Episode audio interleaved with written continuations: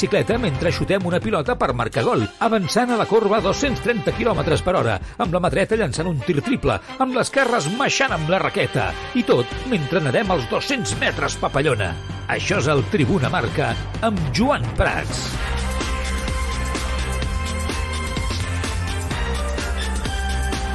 Què tal, com esteu? Molt bona tarda. Benvinguts un dia més al Tribuna Marca. Marc André Ter Stegen apunta a convertir-se en el nou capità del Futbol Club Barcelona. Xavi té previst el calendari de la propera setmana fer una votació al vestidor per escollir el substitut de Piqué en la capitania. Ter Stegen és el favorit per part del cos tècnic i el que té més números per substituir a Gerard Piqué. Va arribar el 2014, ja és un dels més veterans i, a més, a dins del vestidor amb molta força. L'altre candidat pot sorprendre per com ha entrat al vestidor, segurament no sorprèn, però l'altre candidat era Robert Lewandowski, però sembla massa d'hora per eh, compartir capitania ja amb Sergi Roberto Busquets i Jordi Alba, tot i que, eh, us he de dir que a mi eh, particularment em sembla que en aquest aspecte, en aquest sentit en el que estem dient, eh, ja és eh, o té més capacitat de lideratge que Sergi Roberto, que Jordi Alba o que el mateix Sergio Busquets. Des de Víctor Valdés, com porter, no es converteix en capità i tot apunta, com dic, que la propera setmana Ter Stegen serà aquest eh, capità. Avui a Mundo Deportivo, en una entrevista que li han fet als companys de, del rotatiu, Ter Stegen no amaga que portar el braçalet de capità del Barça és un fet molt especial, però diu que entre tots han de donar un pas endavant per suplir el lideratge de Gerard Piqué. Hace unos días ya lo, ya lo dije uh, en, en, otra entrevista, que al final eh, de llevar un brazalete para el Barça pues es algo súper especial. Eh, y en las veces en que podía hacerlo pues eh, sí lo llevaba con, con, mucho orgullo. Pero al final nosotros tenemos mucha personalidad en, en el vestuario y al final ahora se, se ha retirado Gerard Piqué, que, que era una persona eh, súper importante para el vestuario. Eh, y, y, nada, esto es difícil compensarlo, pero, pero ahora tienen que ser algunos cuantos que tienen ya más experiencia los que tienen que llenar ese, ese hueco. Y, es, es, el momento perfecto para todos dar un paso más adelante y, sea o no el, cuarto capitán, pues eh, me llenaría con, mucha, eh, con mucho orgullo, pero, pero al final es que yo pido a todos los compañeros pues que damos todos un pase adelante, eh, que, que, no es necesario llevar el brazalete, sino eh, bueno, ser una persona eh, importante en el vestuario. Ai, si tots eh, pensessin igual que Marc-André Ter Stegen. Que bé li aniria al Barça. Quin discurs, quin castellà impecable quin cabell, eh, també s'ha de dir, el de Ter Stegen, eh, perquè, jo no sé, he d'anar, eh, d'anar, hem d'anar tots, eh, perquè realment, no ostres, impecable, eh, la, el, la remuntada de Ter Stegen amb el cabell, però a fora bromes, eh, com a lideratge és l'exemple total. El millor capità que tingui el Barça d'aquest vestidor serà Ter Stegen, no tinc cap mena de dubte, només pel discurs, per la implicació, la maduresa, com parla, com, com s'expressa el que... Eh, com... No és una persona que s'esticuli molt, però transmet una seguretat en si mateix espectacular, no?, pel seu, pel seu posat. Em sembla que és l'exemple total del que necessita no només el, el vestidor del Barça, sinó que en aquest sentit, eh, tots els vestidors del Futbol Club Barcelona. Carlos Rojas, què tal? Bona tarda, com estàs, company? Què tal? Bona tarda. ¿Estás de acuerdo con esto que estoy diciendo o no? La verdad es que sí, porque es que siempre me ha parecido una persona muy con la cabeza en su sitio. De hecho, yo me acuerdo cuando en su momento se decía, ¿no? Que eh, había cierta división entre las vacas sagradas del vestuario del Barça. Yo siempre me había parecido mucho más coherente y sensato el discurso de Ter Stegen. Evidentemente era minoría, ¿no? en cuanto a, a popularidad, seguramente comparado con los Messi Suárez, ¿no? Más jugadores. Pero de las vacas sagradas, que siempre se decía, me parecía una persona con los pies en la tierra, autocrítico, ¿no? Que sabía ver los errores del equipo y yo creo que eso es lo que quieres en el campo, ¿no? Un líder en todos los aspectos y que sepa pegar cuatro chillidos cuando, cuando toca. Y además, si a todo eso le sumamos que Ter Stegen ahora también es ejemplo de superación futbolística, ¿no? Por todo lo que ha supuesto su lesión, por todo lo que ha supuesto saber volver de un bache, de un bajón de rendimiento, yo creo que es el capitán perfecto para el Barça. Sí. Hem de veure no? si, si finalment la setmana vinent s'acaba imposant en aquesta votació, que ja dic que totes les informacions apunten a que serà, a serà així. És veritat que, ostres, eh, s'ha anat, ha anat madurant, però des del primer dia és una persona d'aquestes prematurament madura. Atenció, eh, el que acabo de dir, m'acabo d'inventar, però jo crec que s'ha entès, eh? O sigui, des del moment que arriba el 2014, és una persona amb un discurs clar, que amenaça amb sortir del Barça si segueix el tema entre Claudio Bravo i ell no? com va fer a la primera temporada Luis Enrique, perquè ell creu que no és just, ell creu que no és just, ell és millor porter que Claudio Bravo i que ell s'ha guanyat ser titular indiscutible al Barça. I és cert que l'únic però que se li pot posar a Ter Stegen a la seva trajectòria al Barça és potser la temporada passada i una mica l'anterior on sí que va baixar el rendiment. Vull dir, és l'única cosa. Si Ter Stegen avui hagués mantingut a dia d'avui el nivell de la temporada passada, segurament estaríem parlant de que el Barça la propera temporada fitxés un nou porter. És l'única cosa a una trajectòria impoluta de Marc-André Ter Stegen, que per mi no és millor porter que Víctor Valdés, sé que molts eh, penseu diferent a, diferent a mi en aquest, eh, en aquest sentit, però, però sí que em sembla que va camí de ser un dels porters més importants de la història del Barça. Beneït dia que Zubizarreta va pensar en ell per eh, suplir no, el propi Víctor Valdés a la porteria del Futbol Club Barcelona, però hi havia dubtes. Per això es va incorporar Claudio Bravo, eh, perquè hi havia dubtes de que potser era massa jove, no, etc etc i volien un porter potser una mica més, més veterà. Però vamos, uno, ya se puede decir, uno de los fichajes de los últimos 20 años, sin duda, ¿no? Sin duda, sí, sí, sí. Fíjate que en su día a Zubizarreta le cayeron muchos palos, ¿no? Eh, yo creo que justos, pero, pero vamos, siempre se le va a recordar, ¿no? Zubi haber sido el director deportivo que trajo a, a Marc-André Ter Stegen, entre otros nombres, pero en, la, en el plano bueno, ¿no? A, a, Ter Stegen. Y vamos, yo es que incluso en aquel momento yo recuerdo que aquí decíamos, no sé si tú también lo decías, pero yo al menos yo mm. recuerdo que decía hay que darle tiempo, que es complicado, yo creo que la, la, cabeza es más que el físico, ¿no? Que se decía que a lo mejor físicamente no estaba bien. Yo creía que era algo, un aspecto más, más mental pienso que Ter Stegen aún tiene carrera, no tiene muchos años de carrera por delante, hay que ser también claros, ¿no? Pero sí que pienso que es el portero ideal para el Barça. Pero también creo que si la circunstancia hubiera llegado al límite ¿no? económico-financiero, seguramente el club, por cómo estaba jugando y por las buenas ideas y las buenas sensaciones que había causado Iñaki Peña en estos partidos, ¿no? De la temporada anterior y lo que se había visto y lo que se había dicho, pues quizás sí que hubiera dado el paso, ¿eh? Eh, o, o, incluso te digo, si hubiera tenido un relevo, ¿no? De Ter Stegen de más garantías, que Iñaki Peña nos gusta a todos, pero todavía está por ver como portero titular del Barça, seguramente el club a lo mejor se habría planteado más en serio este verano su, su venta, però mira, gran notícia que no l'hiciera.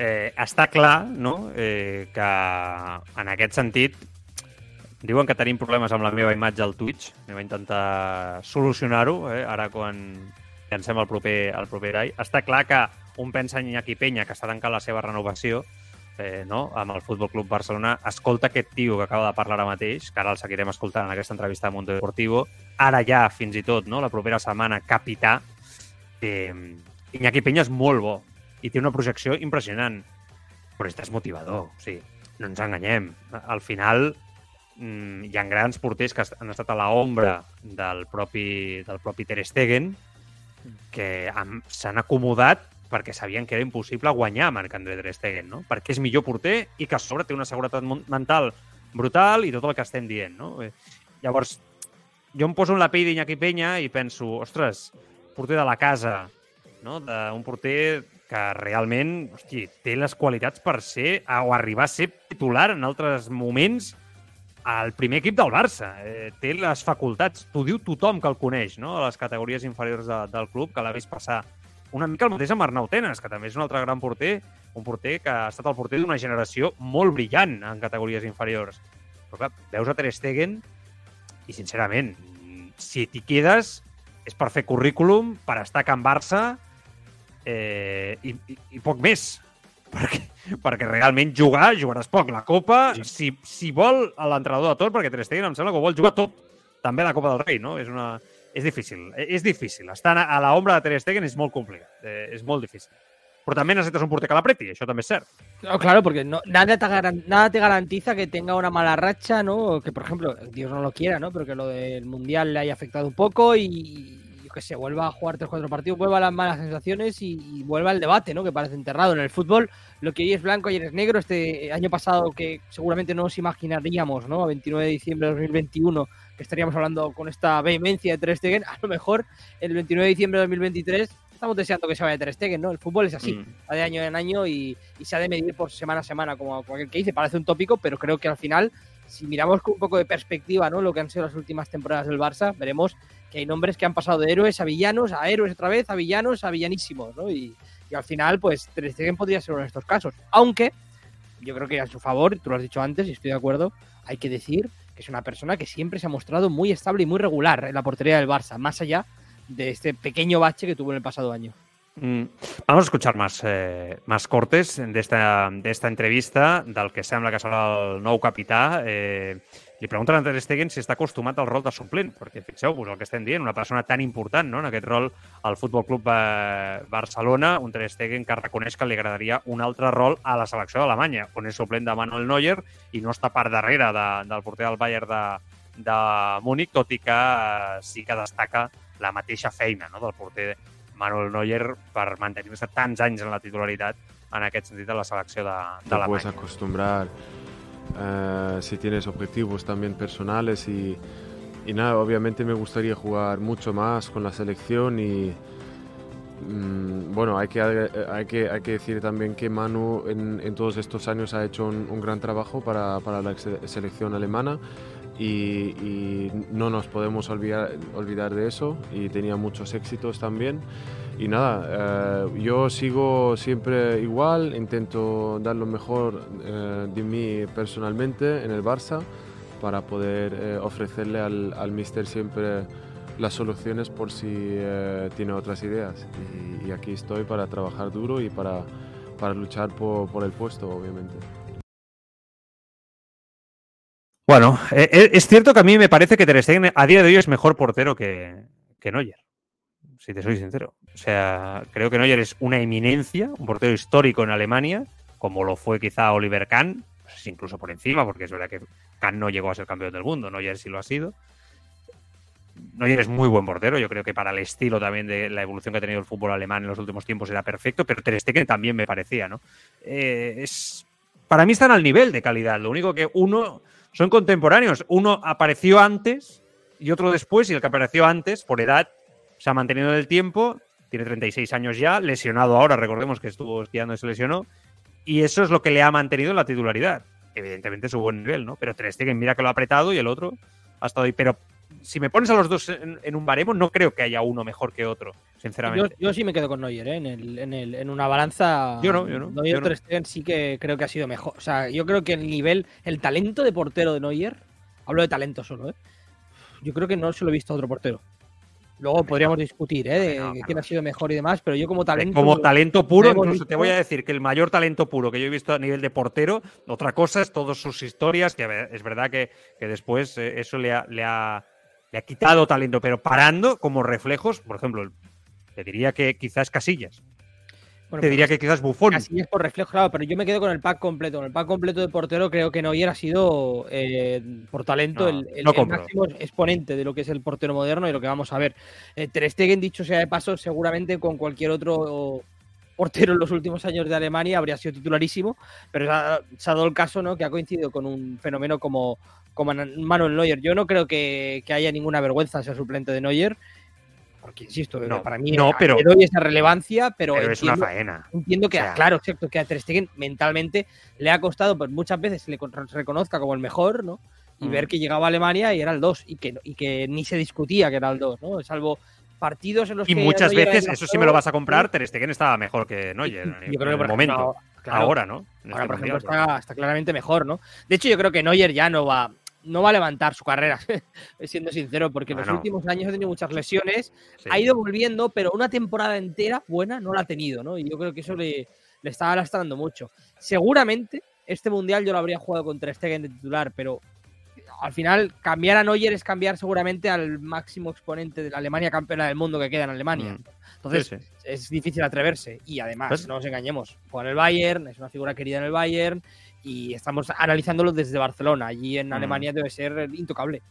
Ara llegeixo, eh, que ja veig que hi ha un fotimer de missatges a través de, del Twitch. Avui que estem tenint un dia, no sé què, amb la meva càmera, que no sé què, què està fent, ara ho estem, intentem, ho estem intentant arreglar, però sóc conscient eh, que, que es queda congelada la imatge, però bueno, em diuen que el so no falla, per tant ens podeu seguir, seguir escoltant sense problema. Els que esteu escoltant a través de la ràdio, això evidentment no us incompleix, no, no us incumbeix, dic, eh, no teniu cap mena de problema. Ara llegim missatges sobre aquest tema que estem, que estem comentant, però ara, mentre estava escoltant-te, eh, estava pensant, realmente a Víctor Valdés le pasó lo mismo con Casillas en algún punto. O sea, hay momentos donde Víctor Valdés es mejor portero por estado de forma y momento que, Iker Casillas. Yo creo que en eso coincidimos todos. Hay momentos donde Valdés está en un mejor estado de forma, pero Casillas es un gran portero, en su momento también bueno, ¿no? Es un portero top se mantiene por, por estructura, por, por, continuidad, porque ya es el portero de España, ¿no? Eh, y el portero se toca poco si funciona y tiene ese nivel, ¿no? Se, se, parece mucho, o sea, se parece mucho a la situación Casillas-Valdés a la situación Neuer-Ter Stegen, ¿no?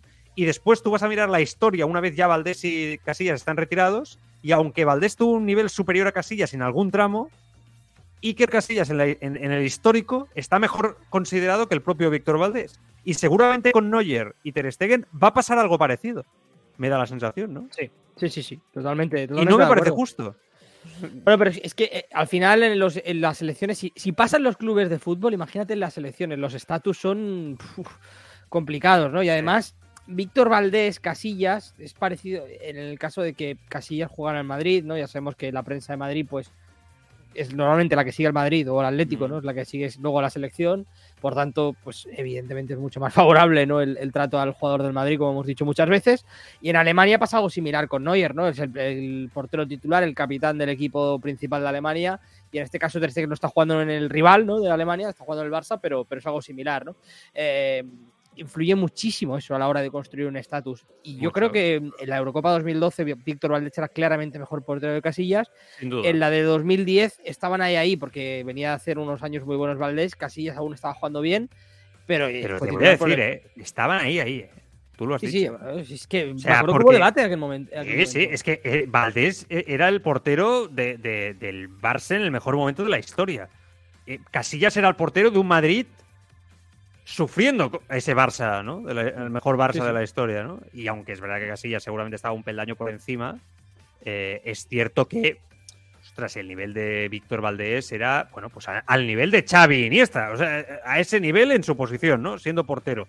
Después quizá en esa Eurocopa que tú dices, la de 2012, ahí quizá haya bajado un pelo, ¿no? Porque creo que ahí se lesiona, ¿no? Y ahí quizá ha bajado un, un puntito. Sí, es la última, es la última, entre comillas, buena temporada de Casillas, porque cuando vuelve a esta Eurocopa es cuando empiezan las suplencias con Mourinho, recordemos.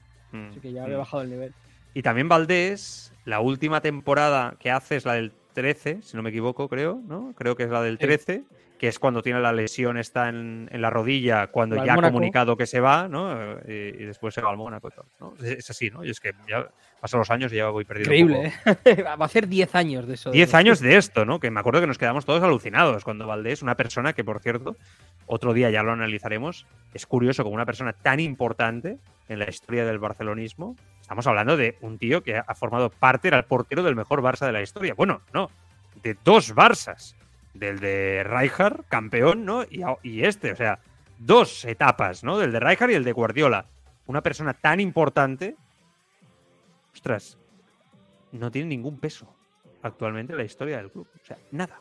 O sea, tú, la, opinión pública es una persona apartada.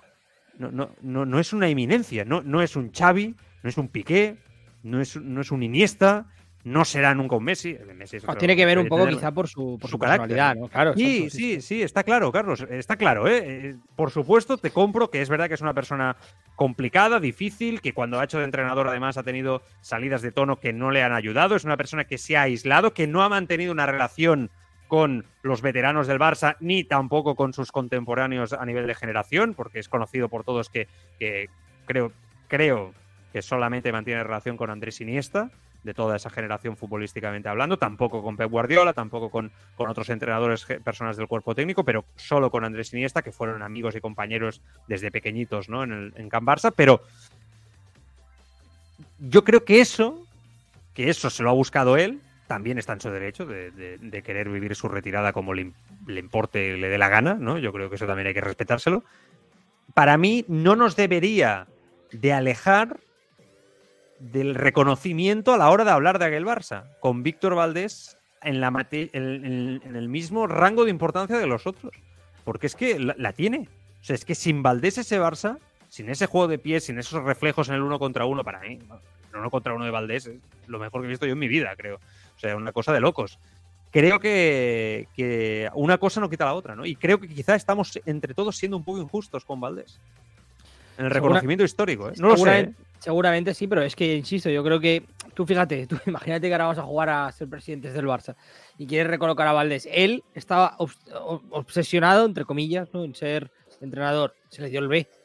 Eh, después de también ¿no? un momento complicado y, y pasó lo que pasó. Eh, claro, si lo quieres poner de embajador, es una persona que, sinceramente, con todo el cariño del mundo, no te da ninguna garantía como embajador o portavoz del club porque no sabes en qué puede meterse y en qué momento, ¿no? O qué salida de tono puede tener y, que, y está con el escudo del Barça, ¿no? Es verdad que luego te planteas, ostras, también está Ronaldinho, ¿no? Que en cualquier momento te, te, forma un escándalo, pero no es lo mismo, ¿no? Seguramente. Ah. Eh, pero sí que es verdad que ahí entre medias debería haber un rol para, para Víctor Valdés, pero es complicado, porque si a la hora de dar la cara, a la hora de mostrarse públicamente, claro, él no es fácil. en cualquier momento, exacto, claro. puede generarte problemas. Vale, lo entiendo, en el trato no es sencillo, eh, no se lleva especialmente bien, creo, pero es que no se lleve mal, es que, sino que él, oye, que está en su derecho, que la gente lo entienda, ¿eh? lo que estoy diciendo, que, que él vive de otra manera y cuando ha intentado entrar en el club, en el juvenil, acabó mal, no, no, no, no encajó bien y entonces eso lo ha ido apartando. Pero yo creo que eso no, a la hora de hacer los reconocimientos, hablo de mí, hablo de los periodistas, pero también de los aficionados, creo que no nos debería de alejar de lo que ha sido Víctor Valdés como portero ¿no? en, el Barça.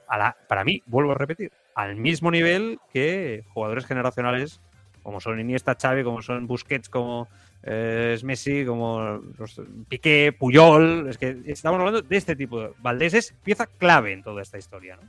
Eh, de toda esta generación, del mejor Barça de, de, la historia. Y en cambio, cuando hablamos de ellos, de esa generación, en la posición que sea, nunca nos acordamos de Valdés. Nunca. Fijaos, nunca hablamos de Víctor Valdés. Es como. Es incluso desagradable hablar de él, ¿no? Y es. Y sabe mal creo que no es justo, porque como profesional fue intachable, intachable a todos los niveles, un grandísimo portero, eh, o ejemplar a todos los niveles. No? Bueno, més de Ter Stegen, va, que, que em desvio llegeixo missatges quan acabem d'escoltar el porter avui a Mundo Deportivo. Han seleccionat dos talls eh, més eh, d'ell. Un Ter que veu a l'equip, l'actual, el del Barça, molt bé en aquest retorn després del Mundial i destaca la bona feina de Xavi per gestionar aquesta tornada a la feina perquè diu Ter Stegen que no és fàcil, no? Després del Mundial, les frustracions, etc que pot eh, trobar-se un entrenador. Muy bien, con muchas ganas sobre todo. Ahora eh, estamos trabajando bien. Creo que no es una, eh, una situación fácil para el míster eh, justo después del Mundial, que algunos eh, jugaron eh, muchos más partidos en el Mundial, acabaron más tarde. Algunos, bueno, acabaron incluso el día 18. Así que no es fácil manejar esto y, creo que lo han hecho muy bien y ahora estamos todos al, mismo nivel para, para estar ya concentrado en, lo que nos va a tocar el sábado. Bueno, eh, a mí yo tengo, tengo que decir que, que, a mí me sorprende este discurso, eh, me, me, ha sorprendido desde el primer día, ¿no? De que cuando los jugadores van a, van a llegar del Mundial, eh, va a haber deprimidos por, por, por, el campo. O sea, sinceramente, ¿eh? me, me, pareció desde el primer día que lo escuché muy exagerado. Creo que incluso Xavi en una rueda de prensa lo compró, ¿no? De decir, oye, a ver el camino, ¿no? A ver cómo llegan, sí que has hablado de feina, ¿no? En esta línea. Eh, lo veo un poco exagerado. Al final son profesionales que están en un mundial, que saben que un mundial lo gana uno, que después hace una valoración global en parte, ¿no? Dependiendo de cómo haya ido y no tiene mucho más. Quiero decir, al final se acaba el mundial y vuelves al trabajo. mm, y vuelves con tu club. Y Sí, pero- algo no sabemos porque los profesionales lo destacan, o algo no vemos porque los, los profesionales lo destacan mucho, ¿no? Entonces algo se me está escapando a mí. Como Ah, un- algo traumático incluso. Es que tiene que suponer algo a otro nivel, ¿no? Seguramente jugar un mundial, una, una Eurocopa, evidentemente para nosotros como aficionados también nos supone un punto y aparte, ¿eh? no, no, o sea, al final no es una competición más, no es un mundialito de clubes, ni mucho menos, ¿no? Pero está claro que, que tiene que haber algo más, ¿no?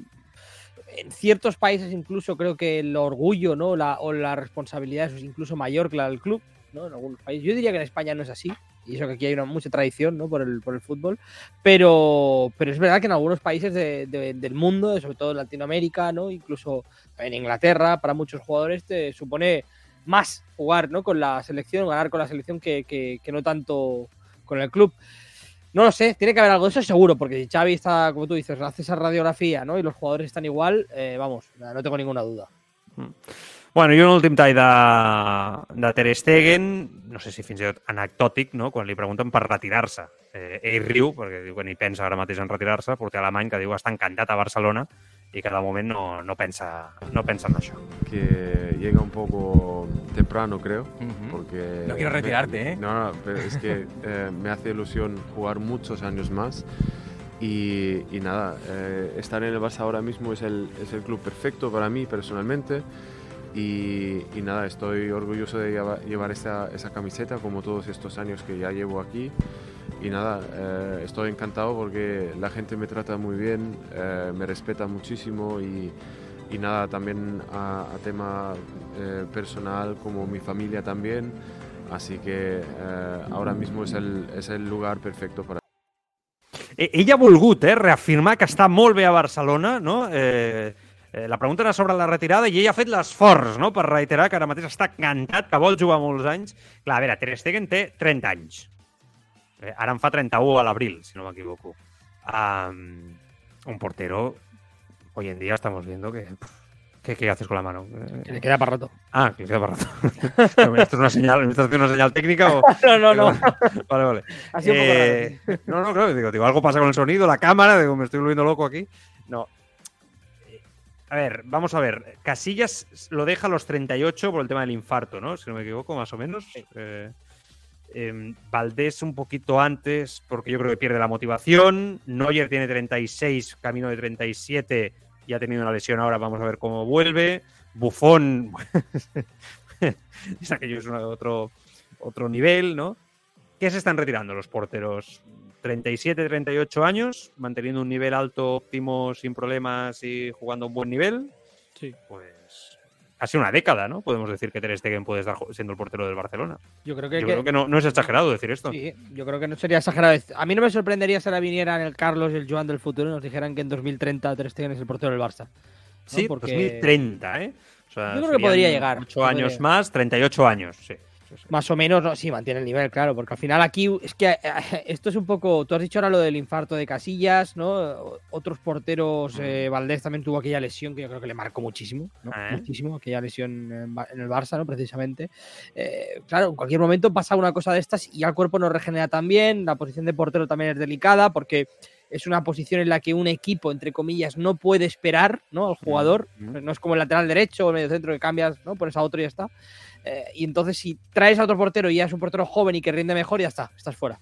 ¿no? Entonces, depende mucho de tu disponibilidad, de tu nivel, por supuesto, y de muchos factores. Pero yo creo que sí, que el físico, y precisamente por eso, ¿no? Por la posición y demás, te permite jugar fácilmente hasta los 40 años. Más aún con el paradigma del fútbol y del deporte del futuro, ¿no? Cada vez se alargan más las carreras. La clave está en la cabeza, eh, la motivación. Ese es el tema, ¿no? Eh, porque yo creo que lo que hemos visto es que buenos porteros físicamente decían adiós en momentos donde, pues bueno, levantaban el pie. Levantaban el pie habiéndolo ganado todo o habiendo estado mucho tiempo ya en la élite y ahí es donde quizá su rendimiento baja, pues por ello. Vamos a hacer un repaso rápidamente de mejores porteros del mundo eh, para situar la, la edad. Courtois tiene 30, Neuer tiene 36, Jano Black si no me equivoco, tiene 29-30. Eh, Ter Stegen ti- tiene 30. Alison Becker, eh, esto lo vas a ver, Carlos, eh, 30 años creo que también tiene, ¿no?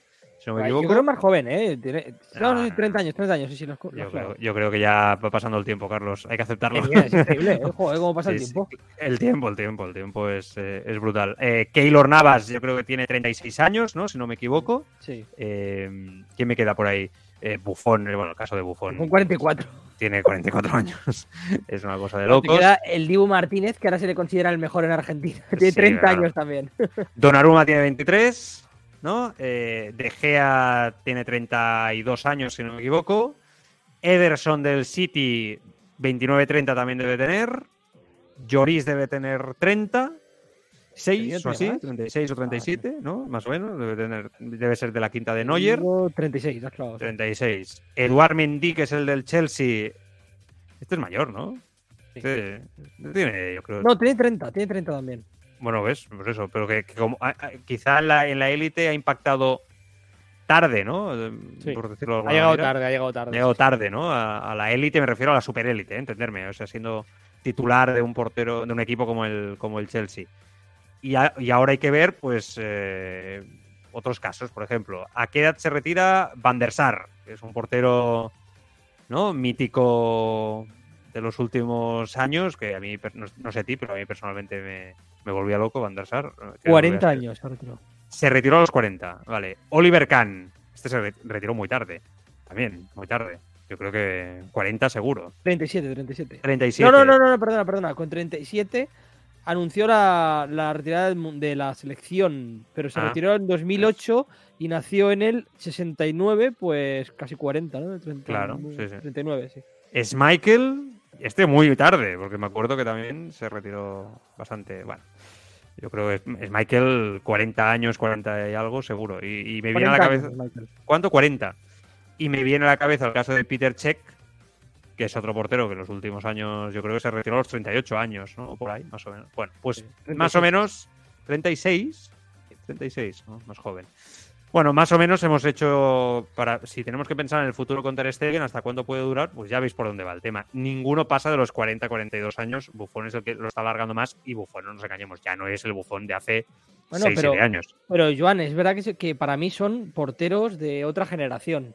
Es decir, Claro. estos porteros Hay que más ver que, que quizá Ter Stegen se planta a los 45 años, ¿no? Claro, claro, es que si hay. si- Los porteros sí, antes se retiraban antes, más tarde, perdón, que los jugadores de campo por lo, el tema, supongo, a la hora de correr y demás, ¿no?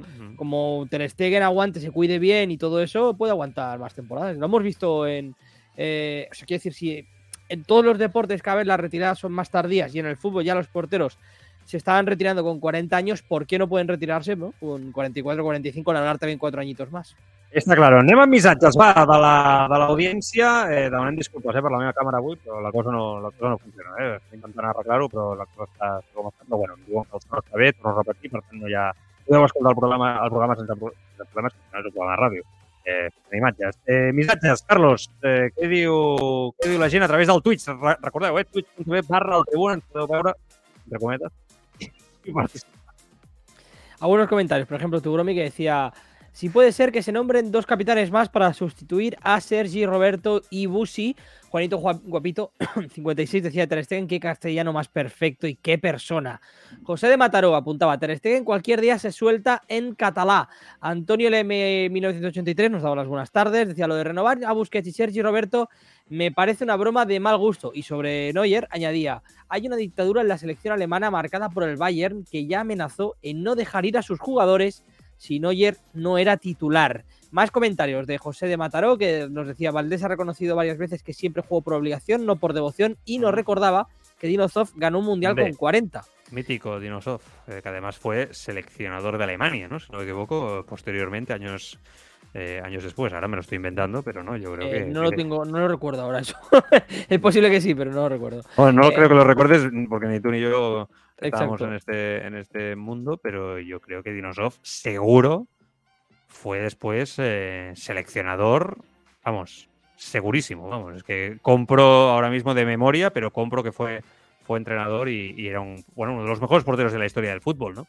Eh, Sí. Que los más jóvenes no hemos visto, pero que evidentemente sí que tienes eh, una connotación de la historia futbolísticamente hablando y, y los eh, más mayores y los que lo vieron siempre lo han dicho, ¿no? Que era una- un espectáculo absoluto ¿no? El italiano Dino, Dinosov. Eh, estoy viendo que, que, fue entrenador de Italia, Italia. De Italia, ¿no? De Alemania, no sé por qué lo metía yo. Llevó a Italia al subcampeonato de la Eurocopa 2000. Fue, y fue seleccionador de Italia, no sé por qué lo metía como seleccionador alemán, no sé por qué yo. Por eso me sorprendía verlo. Italia sí que me sonaba, pero Alemania ahí me ha bueno, sí, sí. bueno, va, vamos. Un par de comentarios más de, bueno, Juanito Guapito decía, Valdés no se va bien con nadie ni con algunos de sus familiares, y sobre el Ter Stegen decía, como Xavi, que no duerme. Y o sea, es verdad que el, el, corte este de Xavi de, de, Prime Video diciendo que no duerme bien y tal, que ayer pusimos aquí en el programa, ha sentado muy mal ¿eh? a la gente. O sea, eh, la gente se ha cabreado mucho con este tema y se lo ha tomado como una interpretación de que Xavi se queja demasiado, de que eh, un poco de decir, ostras, eres un privilegiado, ¿no? Eh, eres entrenador del Barcelona, mm, ya sabías a lo que venías.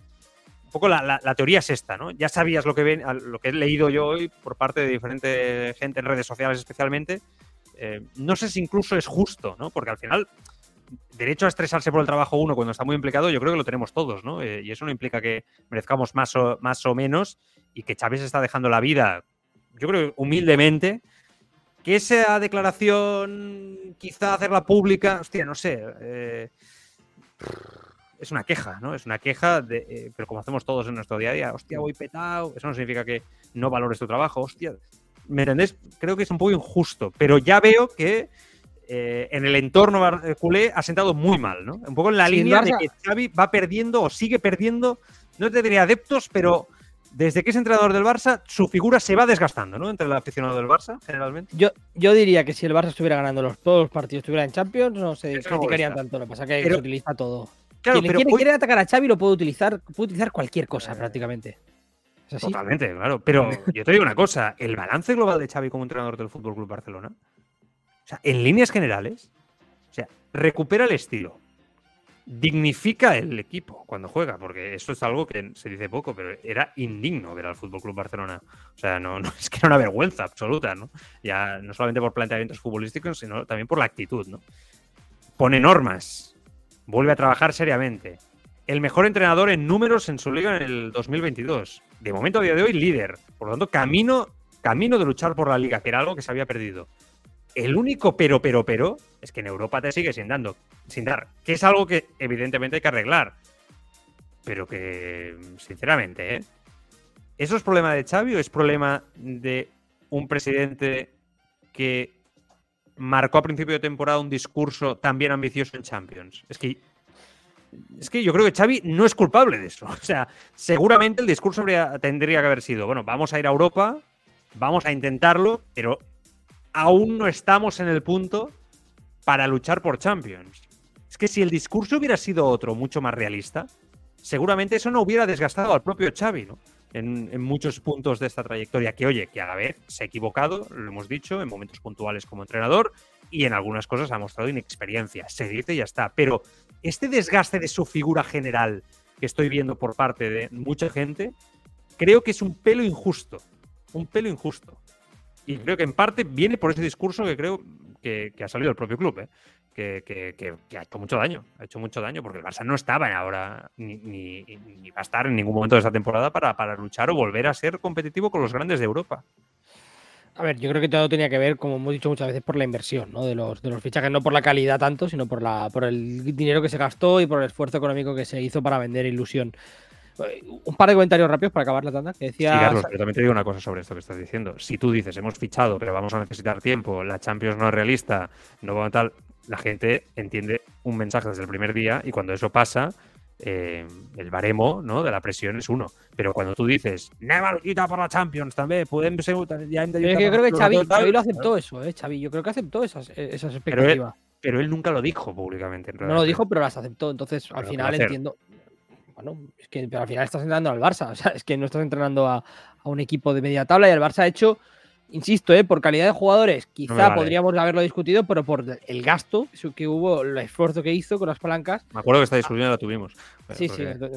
sí, por eso he dicho, ya lo tuvimos en su momento. Sí, pero, sí. pero bueno, al final hay muchos puntos de vista, ¿no? Y entiendo que, que, hay gente que lo de la Champions, yo lo dije en su momento, le iba a suponer un asterisco a Xavi porque no se lo iban a perdonar. Las, las derrotas iban a doler más desde que te echaran de, de Y Europa. mucha gente no se lo está perdonando. Eso yo creo que es una evidencia para mí injusto y para mí equivocado. Y mira, esto me lo voy a llevar al mundo empresarial.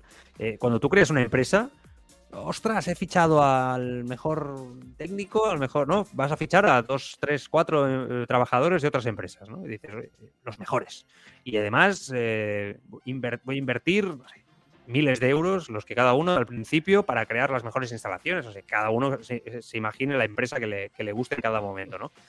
Eh, ostras, quien haya tenido empresa lo sabrá esto. Al final, el proceso es el proceso por mucho que inviertas, por mucho que tengas los mejores, la empresa se tiene que asentar, tienes que hacer una cartera de clientes, tienes que asentar unos procesos de trabajo, mejorar, compañerismo, bueno, ah, intangibles que lo único que los salvan son el tiempo.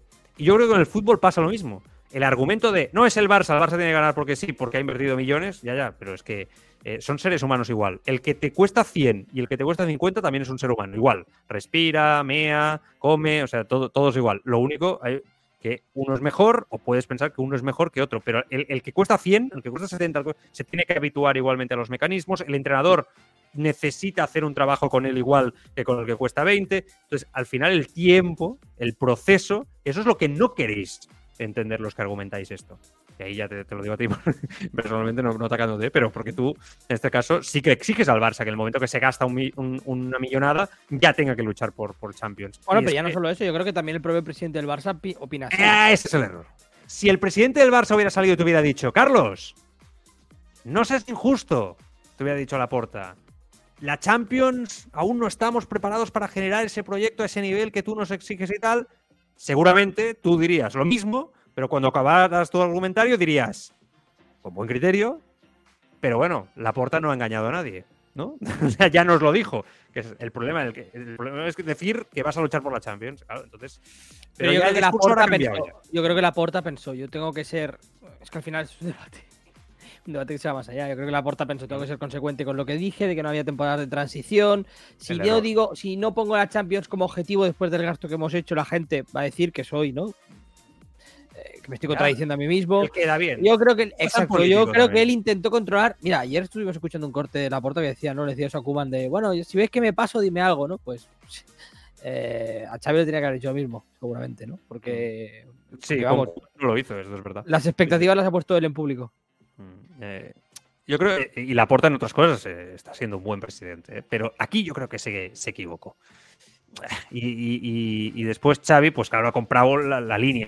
Bueno, es que no lo ha comprado al 100%, pero sí que es verdad que su discurso ha ido virando a un resultadismo puro, ¿no? Porque ha visto que el constructivo no tenía mucho, mucho margen, ¿no? más allá, eh, una vez el club estaba instaurado en esta presión, que entiendo que la haya, ¿no?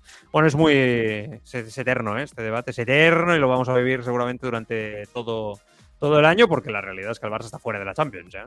y, Europa League, pues hay que ganarla, hay que competir, hay que luchar, hay que dignificarla. Yo creo que eso es muy importante, pero es lo que, lo que tenemos de, momento que no nos vale, ¿eh? porque esto es el Barça, eso es evidente. Bueno, mes del documental, segona part del recull dels millors moments d'aquest documental de Prime Video. Ahir vam fer la primera part dels tres primers episodis. Mm, va ser un programa molt escoltat, molt vist, que va aixecar, va aixecar molta polseguera, que a molts us va indignar pels trossos, els moments que hem posat, per les filtracions que hi ha hagut no? en base també a, a aquest mateix eh, documental i hem seleccionat quatre talls més no? dels últims dos episodis. Un, el primer és el de Dembélé, que és acabant el tercer, que ahir no vam tenir temps de, de posar-ho.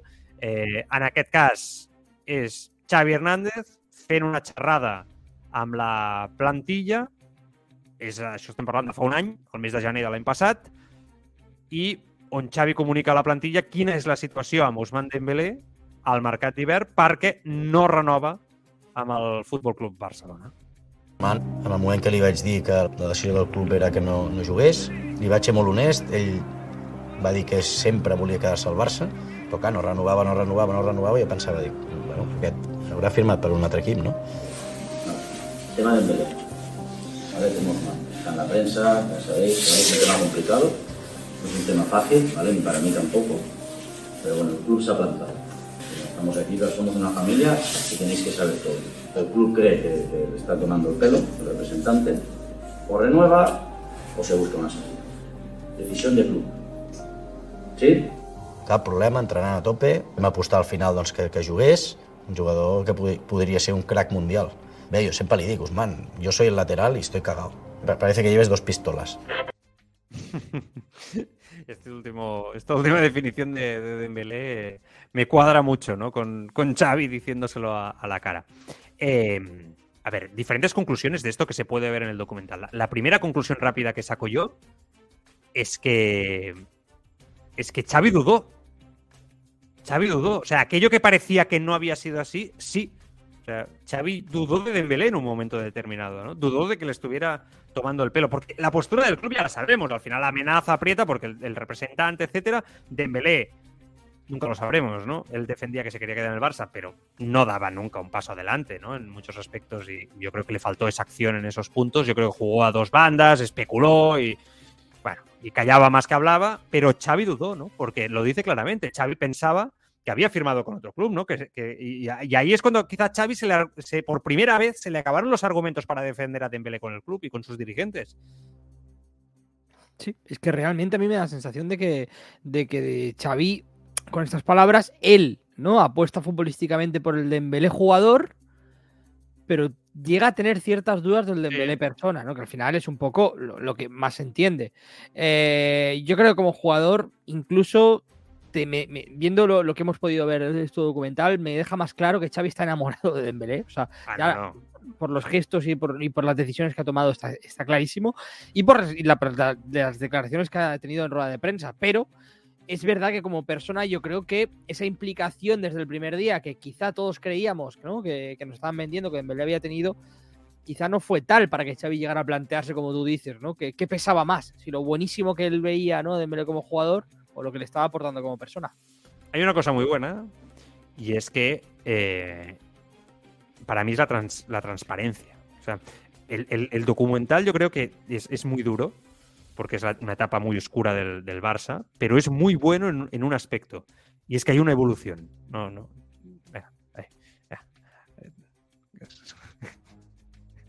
Es que ya, como te veo, ya ahora me río porque. ¿Por qué? ¿Por qué? No, no, no, no te me duermas. No te, ah, no, te... no, no, Joder, mira que me tapa la boca. ¿eh? Ah, ya, pero son, son, ya, ya, te tengo pillado ya. Bueno, eh, hay un tema que es que al principio ves que el club está destrozado en la gestión con sus entrenadores, horrible a todos los niveles, pero ves que a lo largo que va evolucionando el documental, que se va acercando a la realidad de ahora, las cosas van a mejor, ¿no? Y Xavi va cambiando esos conceptos. Y igual que nos cabreamos, y que ayer mucha gente decía en el chat, y con razón, hostia, este documental no sé si nos hace bien, ¿no? Porque transmitimos una imagen al mundo un poco. Yo creo que hay una parte buena, que es importante reconocer, que es que ahora las cosas son diferentes y que el club está yendo en la buena línea. Gracias a Xavi, los cambios que se han implementado, etcétera, ¿no? Y que seguramente con Kuman o con Valverde o con Setién, de los cuales hay momentos en el documental, sería imposible que esos entrenadores miraran a los ojos a la plantilla y les dijeran a sus jugadores, oye, esto es una familia, tenéis que saberlo, esta es la situación, etcétera. No, Xavi les habla honestamente a sus futbolistas sobre un compañero que, oye, es importante como es Usman Dembélé, ¿no? En la, en la plantilla. No sé, yo tengo esa sensación que el Barça ahora, a día de hoy, está mucho mejor que hace un año. Y el documental lo refleja también. Igual que es duro ver el documental, vamos a hablar también de lo bueno que tiene el documental. Es que las cosas han ido mejor y que Xavi se está dejando la vida para, para hacer un buen trabajo. Yo creo que han ido mejor, pero ha habido valles. O sea, yo creo que el Barça ha ido claro, no, con el esperabas. Pues esperabas. No, claro, claro. Ya no. No, ahora, ahora, bueno, ya no lo sé, pero, pero una puesta arriba, ¿no? Directamente. Es bueno. verdad que en algún momento yo creo que Xavi mmm, duda, ha tenido que dudar también cuando el equipo ha avanzado, ¿no? Y cuando ha retrocedido ha tenido que dudar de ciertas cosas y de ciertos jugadores. Entiendo que en algún momento se haya planteado lo, lo de Dembélé, pero a mí sinceramente, ojalá lo estuvieran grabando ahora mismo, ¿no? O hubieran grabado lo que ha hecho estos últimos meses, estas últimas semanas, para saber si realmente le ha valido la pena renovar a Dembélé, ¿no? Y para saber si, le, si, si, mm. si, arrepiente de, la, de esa decisión. La respuesta, evidentemente, estará no. en el mercado del Barça. Pero yo creo que, que, vamos, pese a que Dembélé ¿no? se ha implicado y ha cambiado la actitud, a priori, ¿no? que no lo tenemos que creer, yo creo que es un jugador que, que ya, o sea, todo el, el, crédito que tenía con Xavi, ¿no? Esa temporada que se había ganado quizá, entre comillas, Xavi, poder hacer lo que quisiera con Dembélé, pero... se está agotando. Es una percepción que... que... tienes tú, que tengo yo, que tiene mucha gente desde fuera, pero te aseguro que dentro del vestuario están encantados con Dembélé, ¿eh? Y que el club no, no, eh, lo quiere renovar y que Xavi quiere apostar por él. O sea, hay una visión opuesta completamente de la, que, la visión que tenemos nosotros a la visión que tienen dentro del club con, con Usman Dembélé. Y ya sé que choca, pero que tenemos que ir aceptando que seguramente en verano vamos a tener una renovación de Usman Dembélé mm, encima de la mesa. Es verdad que quedan seis meses de competición, pero si hace lo que ha hecho ya en estos primeros meses, Dembélé va a renovar. Y Dembélé, bueno, prácticamente podemos decir que parte del proyecto del Barcelona pasa por Dembélé de cara a los próximos 3-4 años. Y es duro, ¿eh? porque yo creo que, es duro aceptarlo desde un punto de vista de que la realidad que nosotros tenemos desde fuera es que es, un disparo al pie enorme, ¿no? Pero la realidad nos dice que, que todo va indicado en esa línea, ¿no? Entonces, bueno, aunque sea sorprendente, pero aceptemos que, igual que la renovación de Busquets, igual que la renovación de Sergio Roberto, igual que Guzmán Dembélé renovando y siendo pieza Eh, clave los próximos cuatro años. o sea, creo Pero a ver, vamos el, ahí, el ¿eh? tema son las condiciones de la renovación. El tema son las condiciones. O sea, por cuánto va a renovar, cómo lo va a hacer, ¿no? Pues O sea, no sé. seguramente cobrando un poquito más, ya te lo contesto yo, si es que es, es evidente, si se renovó a la baja, No, pues va a eso es lo que, renovar. lo que está en, el, en, el- en la mente del Barça, pero cobrando un poquito más, entiendo que es lo que el Barça entiende, ¿no? Valga la redundancia, que tiene que hacer.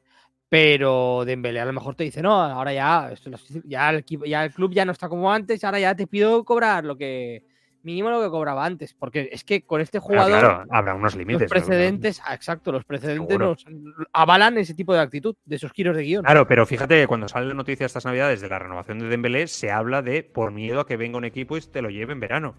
Que quizás lo que estamos deseando todos, o muchos. O sea, es que fíjate la contradicción. Es que es el, Barça alucinante. lo, el Barça lo quiere evitar a toda costa. es Claro, sea, en el Barça tienen miedo a que se lleven a un, a un Dembélé que acaba contrato dentro de un año y medio, ¿no? Y, y se lo lleven porque si pier- pierdes una pieza clave y, y seguramente la mayoría de aficionados, barra entorno, barra periodistas, estamos deseando que se lo lleven, que paguen lo- los 50 millones y se lo lleven porque creemos que no va a ir a más, más allá de que todas las virtudes que le reconocemos como futbolista, ¿no? Es alucinante. O sea, es, es- es- seguramente, de verdad, es, es brutal la diferencia, ¿no? Ahora, también te digo una cosa, entiendo, aquí sí, una parte más de los dirigentes que dicen, bueno, no puedo fichar ahora, no puedo fichar seguramente en verano, a nivel de pagar traspasos, ¿eh? Si se va de Dembélé voy a encontrar algo mejor, ¿no? En el, en el- en el mercado, que cómo me voy a mover, voy a devaluar la plantilla y yo, creo- yo creo que tiene mucho que ver, ¿eh? Si mañana eh, eh, puedes fichar a Mbappé, pongo en- a lo más, que oye, sinceramente, el Barça de hace 10 años seguramente se plantearía fichar a estos jugadores sin ningún tipo de problema, ¿no? Por su situación cual, cual era y, y va a por los mejores del mundo. Seguramente el baremo interno con Dembélé también bajaría. Seguramente también dirían, bueno, pues prefiero a Mbappé, ¿no? Prefiero al otro, al, quitar a Mbappé y poner el que sea, ¿no? Incluso hasta Sadio Mané, me da igual, el que queráis, ¿no? Que, me vale. Va, En fin, siempre protagonista. Más del documental. Europa League. Aquest tema, déu nhi eh?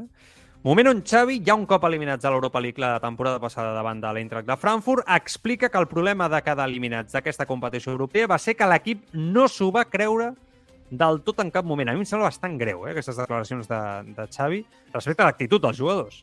Ser també que ens donaven ja com a favorits i com a campions de la- de l'Europa League. No?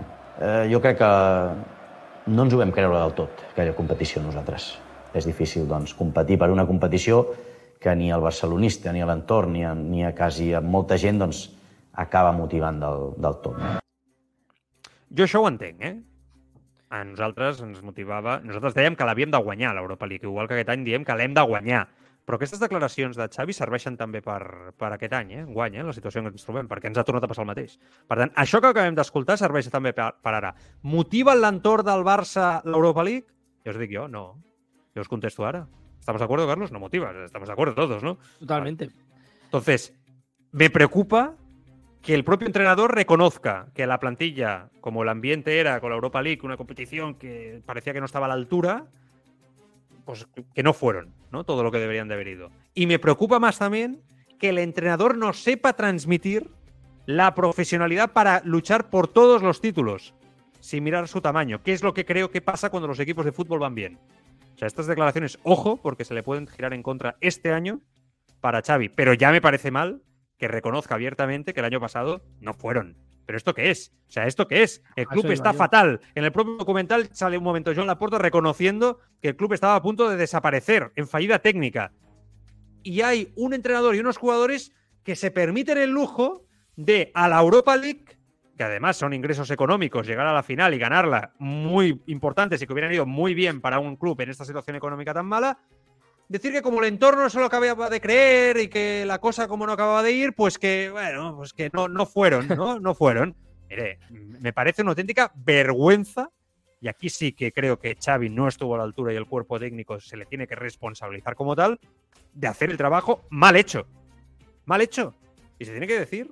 No sé, ¿habéis lo que más me ha indignado de todo el documental? ¿eh? Yo, yo estaba, yo estaba escuchando y pensaba, increíble. O sea, al final me parece bien, entre comillas, que diga eso si, si después hace una autocrítica feroz, ¿no? Contra, contra el Barça. No, parece va con- no va No, con él. bueno, es que no, la No verdad, si, te soy sincero, no, no, gustaba mucho la Europa League. O sea, me, me, ¿Esto me transmite esa sensación. O sea, es algo. Y además es lo que tú dices, como ha vuelto a pasar lo mismo, cosas del timing y de la vida, tú lo ves hoy y dices, ostras, pues muy bien, pues ya voy a ver, tío, para Europa League. Bueno, este es que ya te, digo, ya te digo-. Claro, te digo que nos vamos a casa contra el United. Porque Claro, si sí. esta es la actitud. Tú tienes que tener, yo creo que Xavi podría haber dicho eso y, y haber, y, y haber sido mucho más crítico. Decir, y no, nosotros teníamos que haber seducido al Exacto. aficionado poco a poco con la Europa League. Justificaba que era así, ¿no? En- Exacto. Y a mí eso me parece un mensaje peligroso. Y, y de hecho te digo una cosa, estas declaraciones para mí explican el bajón del último mes y medio del Barça, Mm. ¿eh? de la pasada temporada. Porque ya se deja ir, ya tenían la Champions encarrilada después de ganar al Sevilla, ¿no? aquel día. Sí, sí. Eh, y la, te caes contra el Eintracht después de la Semana Santa. de y ya acuerdo. dices, bueno, ya está. que se dijo, ¿no? El equipo mentalmente está agotado, ¿no? Se intentó justificar, ¿no? Eh, eh, no, agotado no, ni mentalmente ni leches. O sea, al final lo que le pasó a ese equipo es que levantaron el pie. Que cuando se vieron clasificados para Champions, no se creyeron nunca que podían luchar por la liga. Porque hubo un momento, recuerda, que parecía, ¿no? Que se podía luchar por la liga, que no se lo creyeron nunca. Ah, Perdieron aquel partido ante el Cádiz y creo que después al Rayo Vallecano, si no me equivoco. Y ahí se fue, se esfumó todo no se lo acabaron de creer y después en la Europa League no fueron todo lo profesionales que debían de ser. Tuvieron la mentalidad adecuada, pero los primeros el cuerpo técnico, porque lo acabamos de escuchar. Lo acabamos de escuchar. Y me parece grave y preocupante. Ya hemos encontrado, porque hasta ahora yo no lo había encontrado.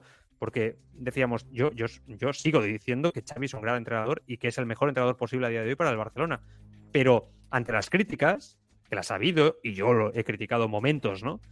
como es mi responsabilidad desde estos micrófonos de Xavi Hernández, nunca había encontrado la falta de profesionalidad, la falta de rigurosidad, el sentido común, ¿no? A la hora de gestionar. Todo lo contrario. De hecho, en este documental, faltaría la verdad si estuviera diciendo lo contrario, se ve a un Xavi muy profesional, muy profesional y muy implicado. Pero es la primera vez en un año desde que Xavi es entrenador que encuentro que falla el escudo. Y es con este tema. Con esto sí que no se puede jugar. O sea, tú tienes que, cuando te pones la camiseta del Barça, salir a morir, a matar. Y el discurso, que él lo repite, esto que acabo de decir, lo repite él muchas veces, en ruedas de prensa, en entrevistas, en, en, ante los propios jugadores, en los discursos que da. Este discurso tienes que decirlo siempre, no puedes fallar, porque si fallas un día, la, duda se genera ya en el entorno del Barça. Y hoy, en este documental, ha generado dudas sobre implicación con la propia competición. Mm. Mala señal mala señal.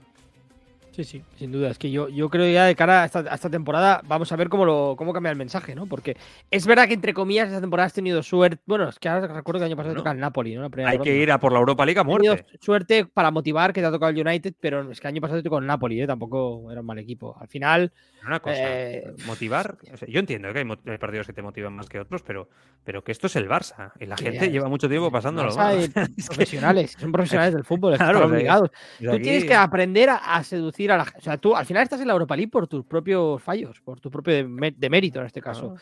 Eh, tienes que intentar arreglar la situación, ¿no? Hay que cometes un error, honrar. intentar em- em- enmendarlo, decir, bueno, ya, ya la he cagado, ya la dejo pasar y ya está.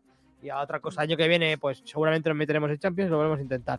Yo creo que es una. Y además, te digo una cosa, Xavi año pasado tenía entre comillas, ¿no? El, la- le salvaba el hecho de haber llegado a mitad de temporada y que, que prácticamente Mm. eliminado ya de la Champions. Pero este año, yo creo que se le tiene que juzgar de forma fuerte si el Barça no consigue rendir en Europa League y vuelve a cometer los mismos ¿eh? errores. Ya, ya. Él lo sabe, lo acepta sin problema, ¿no? En ese aspecto. ya ha lo dijo en aquella rueda de de prensa, la entrevista, lo ha dicho. O sea, no. Él lo, lo sabe y es consciente de, de ello. Eh, Hi ha un missatge al José de Mataró, que és un oient habitual, que diu t'estàs passant con Xavi, no? no? O sigui, ja sabeu que jo m'agrada molt Xavi, no? Eh, com, a, com a entrenador, i crec que ho està fent molt bé eh, en línies generals. Però és veritat que aquest tall no m'ha agradat gens. Aquest, aquest tall que acabem d'escoltar no m'ha agradat gens. No me ha gustado nada. Nada. Creo que, que es peligroso cuando un entrenador reconoce sobre un equipo de fútbol, no solamente en el Barça, sino en general, que ah, no hemos sido todo lo que teníamos que ir. Mala señal, en líneas generales.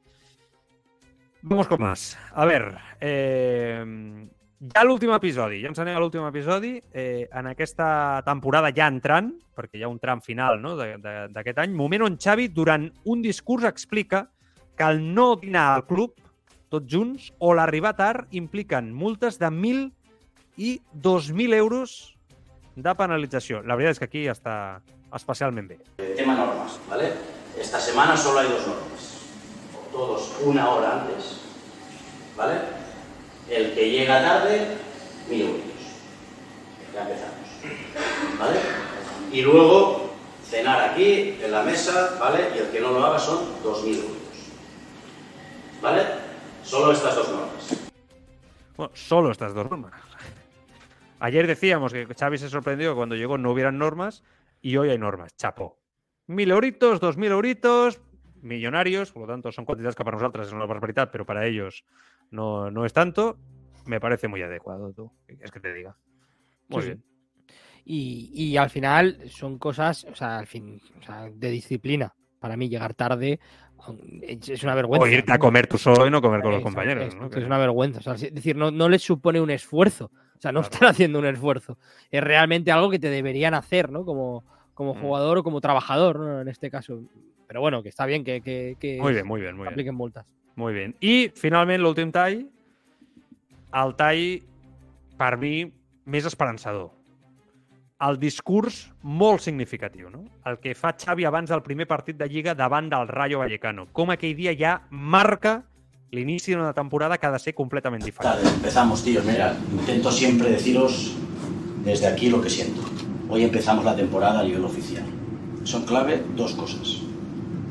La primera, que entendáis todos, que entendáis todos que para mí es muy difícil hacer una alineación. Os hago una pregunta. ¿Está todo el mundo preparado para entrar un minuto para ayudar al equipo? Si alguno no está dispuesto, que levante la mano, es el momento. Os necesitamos a todos. A todos. Mi primer sentimiento es de injusticia. Y el segundo, el segundo os lo tengo que decir, con esta plantilla, este año hay que chupar esta liga. Este año la liga no se puede escapar. No se puede escapar, tíos. Este año hay que chupar. ¿eh? Cada partido es una puta guerra, tíos. Hay que dejarse la piel, tíos. Por los compañeros que no juegan, por el escudo que representamos, porque es un privilegio estar en el Barça. Hay que morir en el campo, tíos. Morir. Con esta plantilla hay que trincar títulos, tíos. Y sobre todo la liga. ¿Sí? ¿Estáis dispuestos a ser una familia todos? Chapó. A mí es que me parece un discurso impresionante. Me parece un discurso, ahora sí, de entrenador top, de entrenador grande, que valora el escudo, que entiende el contexto en el club en el que está, no tenía dudas, que entiende el momento en el que se encuentra ese club al que él ama y que conoce mejor que nadie, que es consciente de la calidad de la plantilla y que por lo tanto aprieta, marca un objetivo para mí, es que este discurso para mí es brutal porque es que dice muchas cosas. ¿eh? Marca un objetivo prioritario a todos los niveles, que es la liga desde el primer día. O sea, a diferencia de lo que venía de arriba, lo que decíamos antes, ¿eh? de la Champions, eh, Xavi lo tenía claro. Xavi lo tenía claro. El primer día, antes La de la Liga. primera jornada, lo tenía la liga. Sabía que la Champions estaba muy lejos y que eso se construye en base a proyectos mucho más cimentados y que la liga era el objetivo. Y aquí lo acabamos de, de escuchar. A mí, yo soy jugador del Barça, que no lo soy ni lo seré nunca, en otra vida quizá. Eh, antes era ciclista. Yo, sinceramente, veo, veo a mi entrenador que me da este discurso, yo salgo, le muerdo una pierna al, que, al, al primero que me encuentre en el terreno de juego.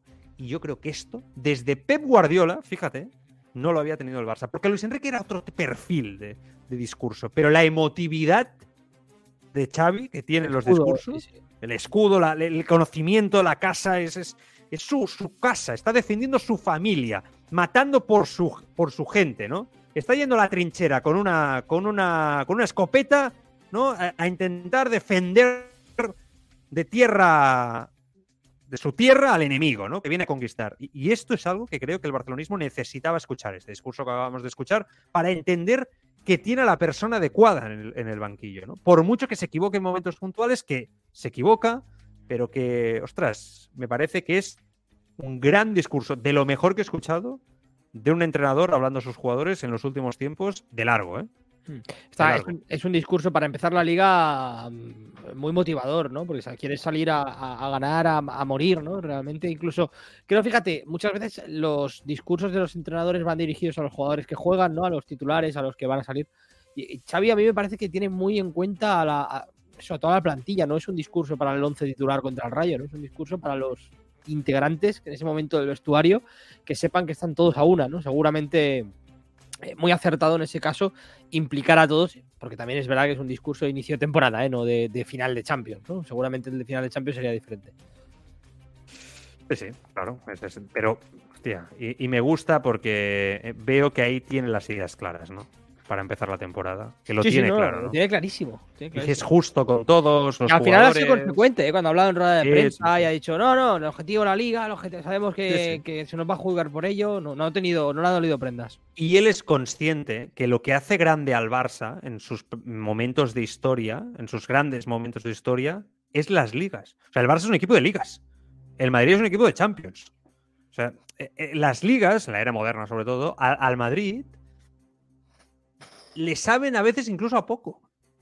Eh, O sea, en las Champions es lo que hace, aunque hayas jugado mal y hayas hecho una mala temporada en regularidad, lo que al Madrid le sitúa en una situación de éxito en una temporada. Es terrible esto para mí, pero bueno, da igual, es lo que hay. En el Barça, en cambio, todo se genera en base a la regularidad. Cuando dominas el campeonato estatal, cuando dominas las ligas, ahí es cuando estás, eres fuerte. Eres un equipo que va bien. Creas una dinastía. Y quizá vas ganando Champions. ¿No? Pero habiendo, poniendo, habiendo puesto bien las bases, ¿no? Desde, desde abajo. Es la diferencia entre los, grandes, entre los dos grandes clubes españoles. Y yo creo que Xavi es muy consciente de ello. Él sabe que en los dos grandes Barça que ha estado, el de Rijkaard y en este caso el de Guardiola, si quieres también el de Luis Enrique, pero él ya con otro rol, ¿no? Pero él sabe y es muy consciente que primero de todo esos equipos dominaban las ligas y después venía Europa. Y ese es el primer objetivo de Xavi. Y me encanta que sea consciente de ello, porque estamos en manos adecuadas de una persona que es conocedora de la idiosincrasia del club.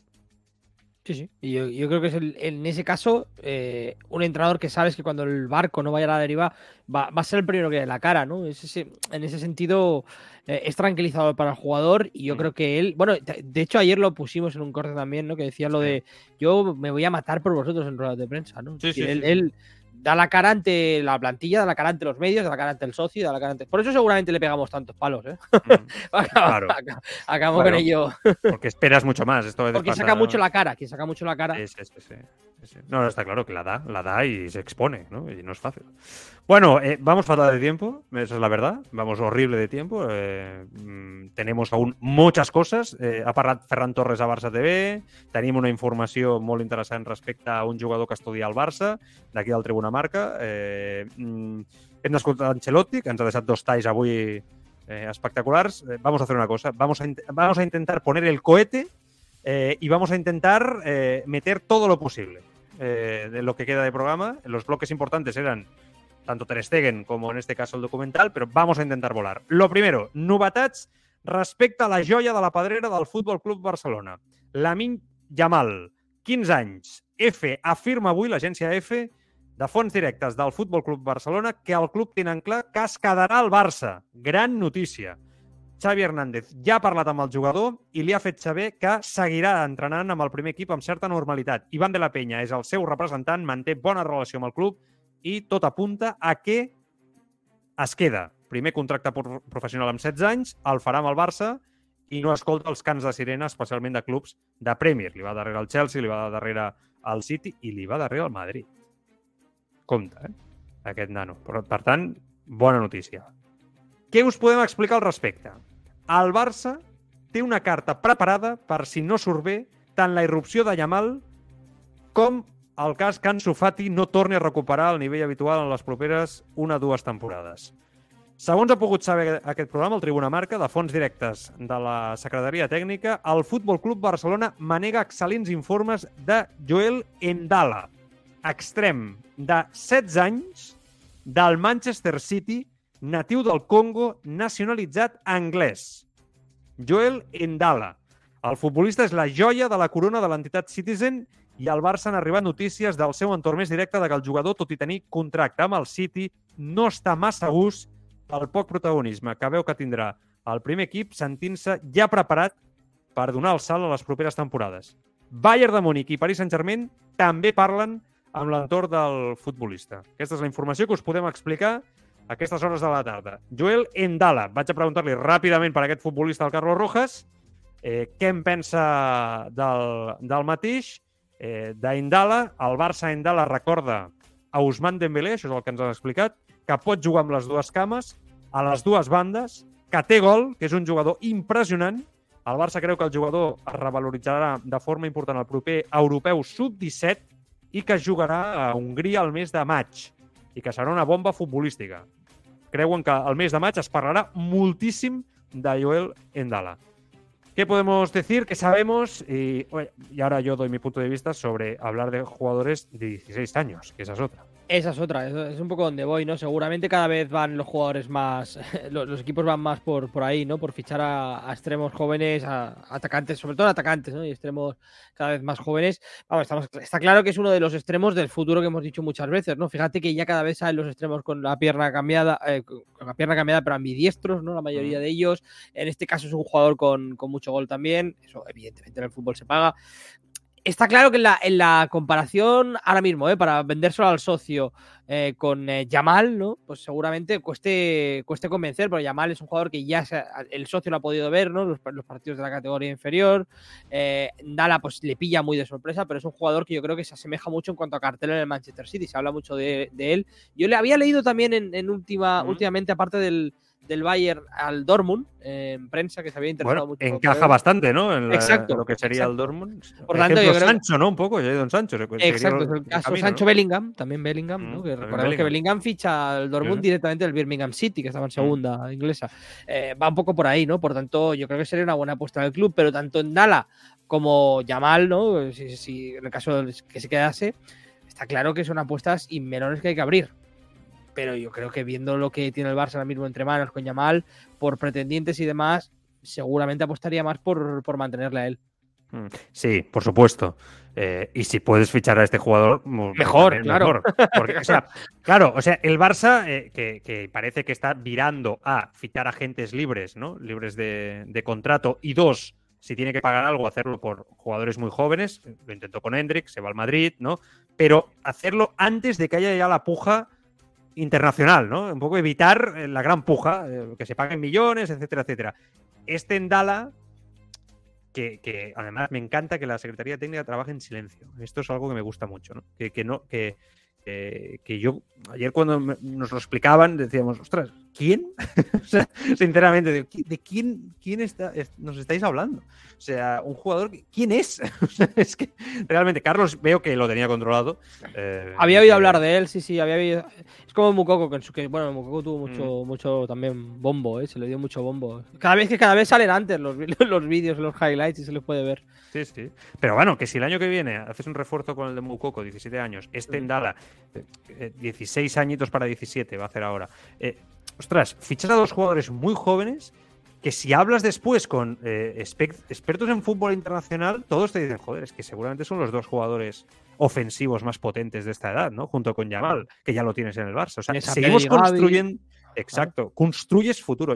Yo creo que es una buena estrategia. Claro, lo ideal no, sería tener un, club saneado y poder competir en el mercado, claro, eh, además de lo que vas sacando de casa. Si no, bueno, que el jugador no está contento en el City, es la joya de la corona y Guardiola no lo acaba de subir y tiene competencia, aprovechate. Me parece estupendo. Sé listo, rápido, hábil y, te lo llevas. Bueno, Ferran Torres, avui protagonista a eh, Barça TV. parlant de diferents aspectes. Mm, alguns d'ells més interessants que altres, sincerament. Tampoc ens, ens enganyem. No és que tingui un discurs allò que sigui... Però primer tall interessant és on que el primer any doncs, segurament no ha estat tot el bo que s'esperava d'ell Una mateix. temporada de, de molt d'aprenentatge, han hagut moments complicats, han hagut moments eh, molt, molt bonicos.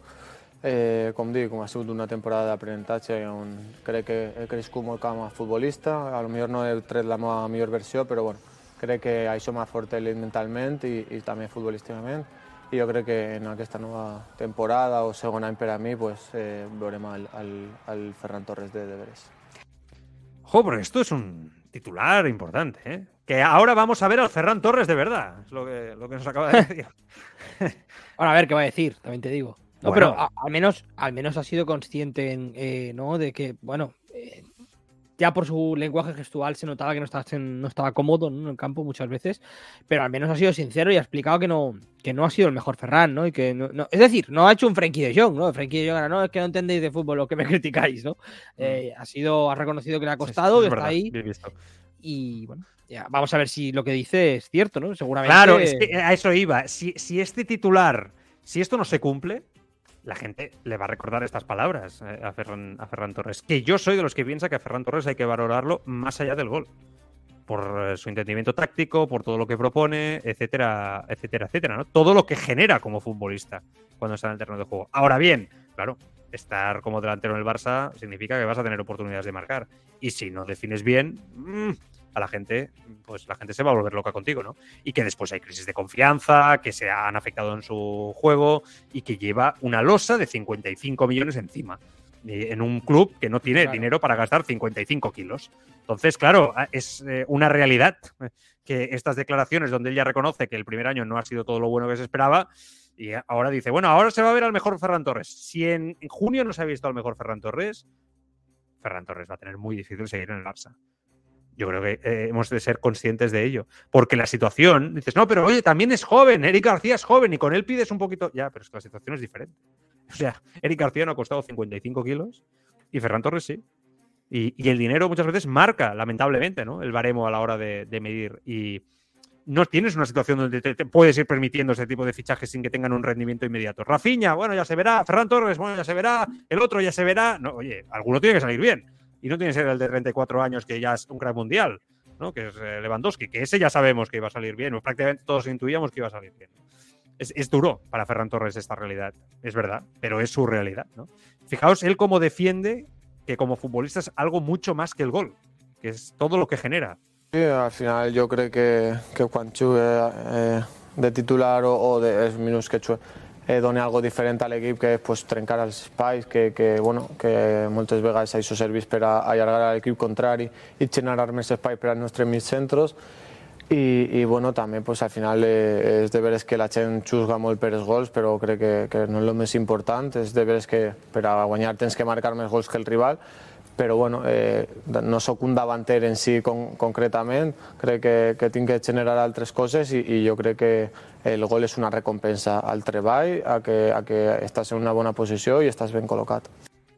Hostia, estas declaraciones, que yo lo entiendo lo que quiere decir. Jo l'entenc perfectament el que vol dir Ferran Torres, l'entenc perfectament, però jo crec que la gent no, no, no ho compra, això. O sigui, ell aixeca el braç i diu, no, no, però que no em jutgeu només pel gol. Jo genero molt, molt, molt més futbol, obro espais eh, pels mitcentres, o sigui, eh, intangibles que els entrenadors sí que veuen, però els aficionats no. I ell fa una reivindicació, i jo l'entenc, eh? sincerament, futbolísticament. I sí que és veritat que tot això ho genera. Però si el barem amb Dembélé és que ha de marcar més gols, també em serveix per Ferran Torres. La gent, aquestes declaracions, no sé, no parlo per... Però jo, jo estic segur que no les entén. La gent diu, bueno, va, a mi no m'expliquis milongas, no? No em serveix. Fins ara la feina que fas no em serveix. És la sensació que tinc de la- l'aficionat al Barça. Sí, yo estoy bastante de acuerdo, ¿no? O sea, la sensación es que ahora mismo. A mí me recuerda cuando a Benzema le criticaban en el Madrid y dijo, juego para la gente que sabe de fútbol, ¿no? es algo un poco que dices, ostras, vaya, vaya. Eh, Evidentemente era más cortante lo de Benzema, ¿no? Pero. Sí, pero, pero- no le falta Ferran- razón. ¿eh? O sea, igual que a Ferran Torres tampoco le falta razón. Claro, desde pero- un punto de vista que hay que ir mucho más allá y no quedarse simplemente con la primera capa de las cosas. Benzema tenía razón, pero no se la han dado Joan hasta que ha marcado goles. Así que Hasta Ferran. que se pues, ha ido Ronaldo y él ha empezado a marcar goles. Ferran, si quiere tener la razón, ¿no? tendrá que marcar goles. El fútbol es así, al final te da, te la, razón te la da el gol y te la da el buen momento, ¿no? Eh, la, racha positiva, la dinámica positiva. Yo entiendo lo que quiere decir Ferran, pero fíjate, me alegro que estas declaraciones complementen a la primera que hemos escuchado, porque si la primera fuera rehuyendo ¿no? las críticas y el, ¿no? lo que se ha dicho muchas veces de él, lo que incluso he visto muchas veces en el campo, porque recuerdo el día que marca al Madrid, ¿no? Y se ponen las manos en, las orejas, ¿no? Y todo eso. Eh, pueden ser complementarias. Es decir, yo no lo estoy haciendo suficientemente bien, pero ojo, es que no soy un jugador para meter 30 goles, que la gente no se equivoque. Eso es una cosa, decir, yo estoy bien, pero es que tampoco juego para marcar goles sería otra. Mm, que no sé si es un poco lo que dice, ¿eh? No, pero yo, yo, creo que cuando hemos escuchado el primer corte decía que no. No, se ha visto, pero, pero el segundo, el segundo, sí que el, gol es una cosa que es un premio al trabajo, estar, bien, colocado. en un momento determinado. O sea, yo creo que él reivindica un poco ¿no? Oye, yo no, no me juzguéis por el gol porque ahí voy a perder siempre, ¿no? A mí juzgarme por todo lo que genero. Claro, yo, esto, eh, esto cuando, lo he estado viendo en directo en Barça TV este día la entrevista, y he pensado, cuando he escuchado esto, por eso he puesto el corte, he pensado, a ver, Joan, extremos del Fútbol Club Barcelona, titulares en el Barça. ¿Eran todos goleadores? ¿Todos tenían gol? Eso es una pregunta. Y claro, y empiezas a sacar nombres y te das cuenta es que Ferran Torres marca o no podrá jugar en el Barça. O sea, Pedro, me pongo uno. Joder, es que se, hace titular del Barça y, por eso, porque empieza a marcar goles, como churros. O sea, es que aporta en lo que tiene que aportar el extremo, entiende el juego, pero es que marca goles. Villa Callabanda marca goles. Titi Henry, no hace falta decirlo. Ludovic Julie, me voy ya más atrás, el francés. ¿Qué te marcaba 15 goles tranquilamente en, una temporada. Aquel francés bajito, que, era una, flecha. Ludovic, eh, Ludovic Julie. Neymar, Suárez, Messi, tridente. No hace falta decir eh, mucho más al respecto. Es que los grandes Barças, joder, es que los, extremos han aportado. No han sido la referencia, no han sido el goleador, si quieres, el Samuel de todo turno tal. Ronaldinho jugaba descolado en banda izquierda, partía de ahí, ¿no? Después, es que o marca o no va a poder jugar en el Barça. Es que o mejora en ese aspecto no va a poder hacerlo, ¿no? Es, triste, cruel, no lo sé, pero, pero es la realidad. caducidad que yo creo que es este verano, o sea, no nos engañemos. Sí, sí. Aunque es muy joven, ¿no? Bueno, Ancelotti, con eso acabamos. Eh, dos cortes. Ha estado hoy Ancelotti en rueda de prensa, eh, previa al partido de mañana, nueve y media es. ¿Nueve y media el partido de mañana es? Sí, creo que sí. Nueve y media. Ante el Valladolid, eh, vuelve la liga. dos cortes que, vamos, eh, uno, vamos a escuchar el de Messi. De su boca no va a salir que Messi es el mejor jugador de la historia. Eh, hay una corriente un poco generalizada ahora que a Messi le faltaba un mundial para ser considerado el mejor jugador de, la historia. No sé si está de acuerdo con esto. Es difícil decirlo. Eh, Messi lo ha hecho muy bien, es un gran futbolista, todo el mundo lo reconoce. Creo que su carrera sigue con un mundial ganado, esto lo hemos visto, el mejor de la historia, yo sinceramente no lo sé. Creo que no es tan justo también decirlo porque cada época tiene, ha tenido, tiene y tendrá jugadores muy, muy fuertes, muy importantes. Eh, es decir, que ha sido el mejor de la historia, no, no, no va a salir de mi, de mi boca esto. He disfrutado de tantos jugadores buenos, lo estoy disfrutando. Tengo el balón de oro que lo veo cada día entrenar y esto me ilusiona mucho. He visto a Di no, no he visto a Di Stefano desafortunadamente, he visto a Maradona, he visto a Cruyff. Para mí de ser el mejor de la historia no lo sé. Cristiano no lo ha dicho. ¿eh? No, Ronaldo no lo ha dicho. Eh, me, sabe mal, a mí, ahora Carlos da su opinión, a mí me sabe mal porque Carlos Ancelotti es una persona que me cae bien. Y me sabe mal porque lo he visto sufrir en esta, en esta respuesta, lo he visto al entrenador del Real Madrid sufrir. lo primero es, ¿qué va a decir? ¿no? Eso es lo, que, lo primero que, me ha venido a la cabeza. ¿Qué va a decir? Es entrenador del Real Madrid. Mm, el mensaje de Messi es el mejor jugador de la historia, evidentemente no sienta bien, no cala bien aunque es verdad que cada vez se escuchan a más madridistas decirlo sin ningún tipo de complejo, algo que bajo mi punto de vista le honraría. Para mí es que el debate ya no existe. La pregunta, oye, es muy respetable, pero el debate, el mundo del fútbol, ya ha cerrado el debate, Carlos. Eh, Ya, pero no quiere meterse en, cam en camisas de varas porque. Claro, no se quiere meter en líos. Puede crear un incendio y al final yo creo que él Bueno, dice, yo voy a ya. decir que es uno de los mejores y ya está. Tampoco. Pero seguramente el día que se vaya del Madrid hará como Sergio Ramos, que ahora reconoce que Messi es el mejor de la historia. Entonces, como, hostia, como tantos otros. Yo creo que no tendrá a ningún mí me problema. gusta que la gente sea sincero más allá de donde juega. A mí me gusta. A mí también, me- yo también, yo también lo agradezco, pero creo que en el caso de Ancelotti es más cauto que sincero en la vida. Opta más Sí. por, por lo segundo, ¿no? Sí, Lo hombre, primero, igual, a, igual a la Benzema en ese debate. Nombras a Maradona, nombras a Cruyff, nombras a Bueno, Messi. no he metido a Benzema. Yo creo que ha dicho disfruto de muchos jugadores, disfruto del balón de oro. Balón de Oro. ¿no? No tocaba. No tocaba. No tocaba. Estas declaraciones, tú sabes que le van a dar por todas partes en el entorno Barça, ¿no? Como ya le están dando. Bueno, Eres seguro. consciente. O sea, no, claro.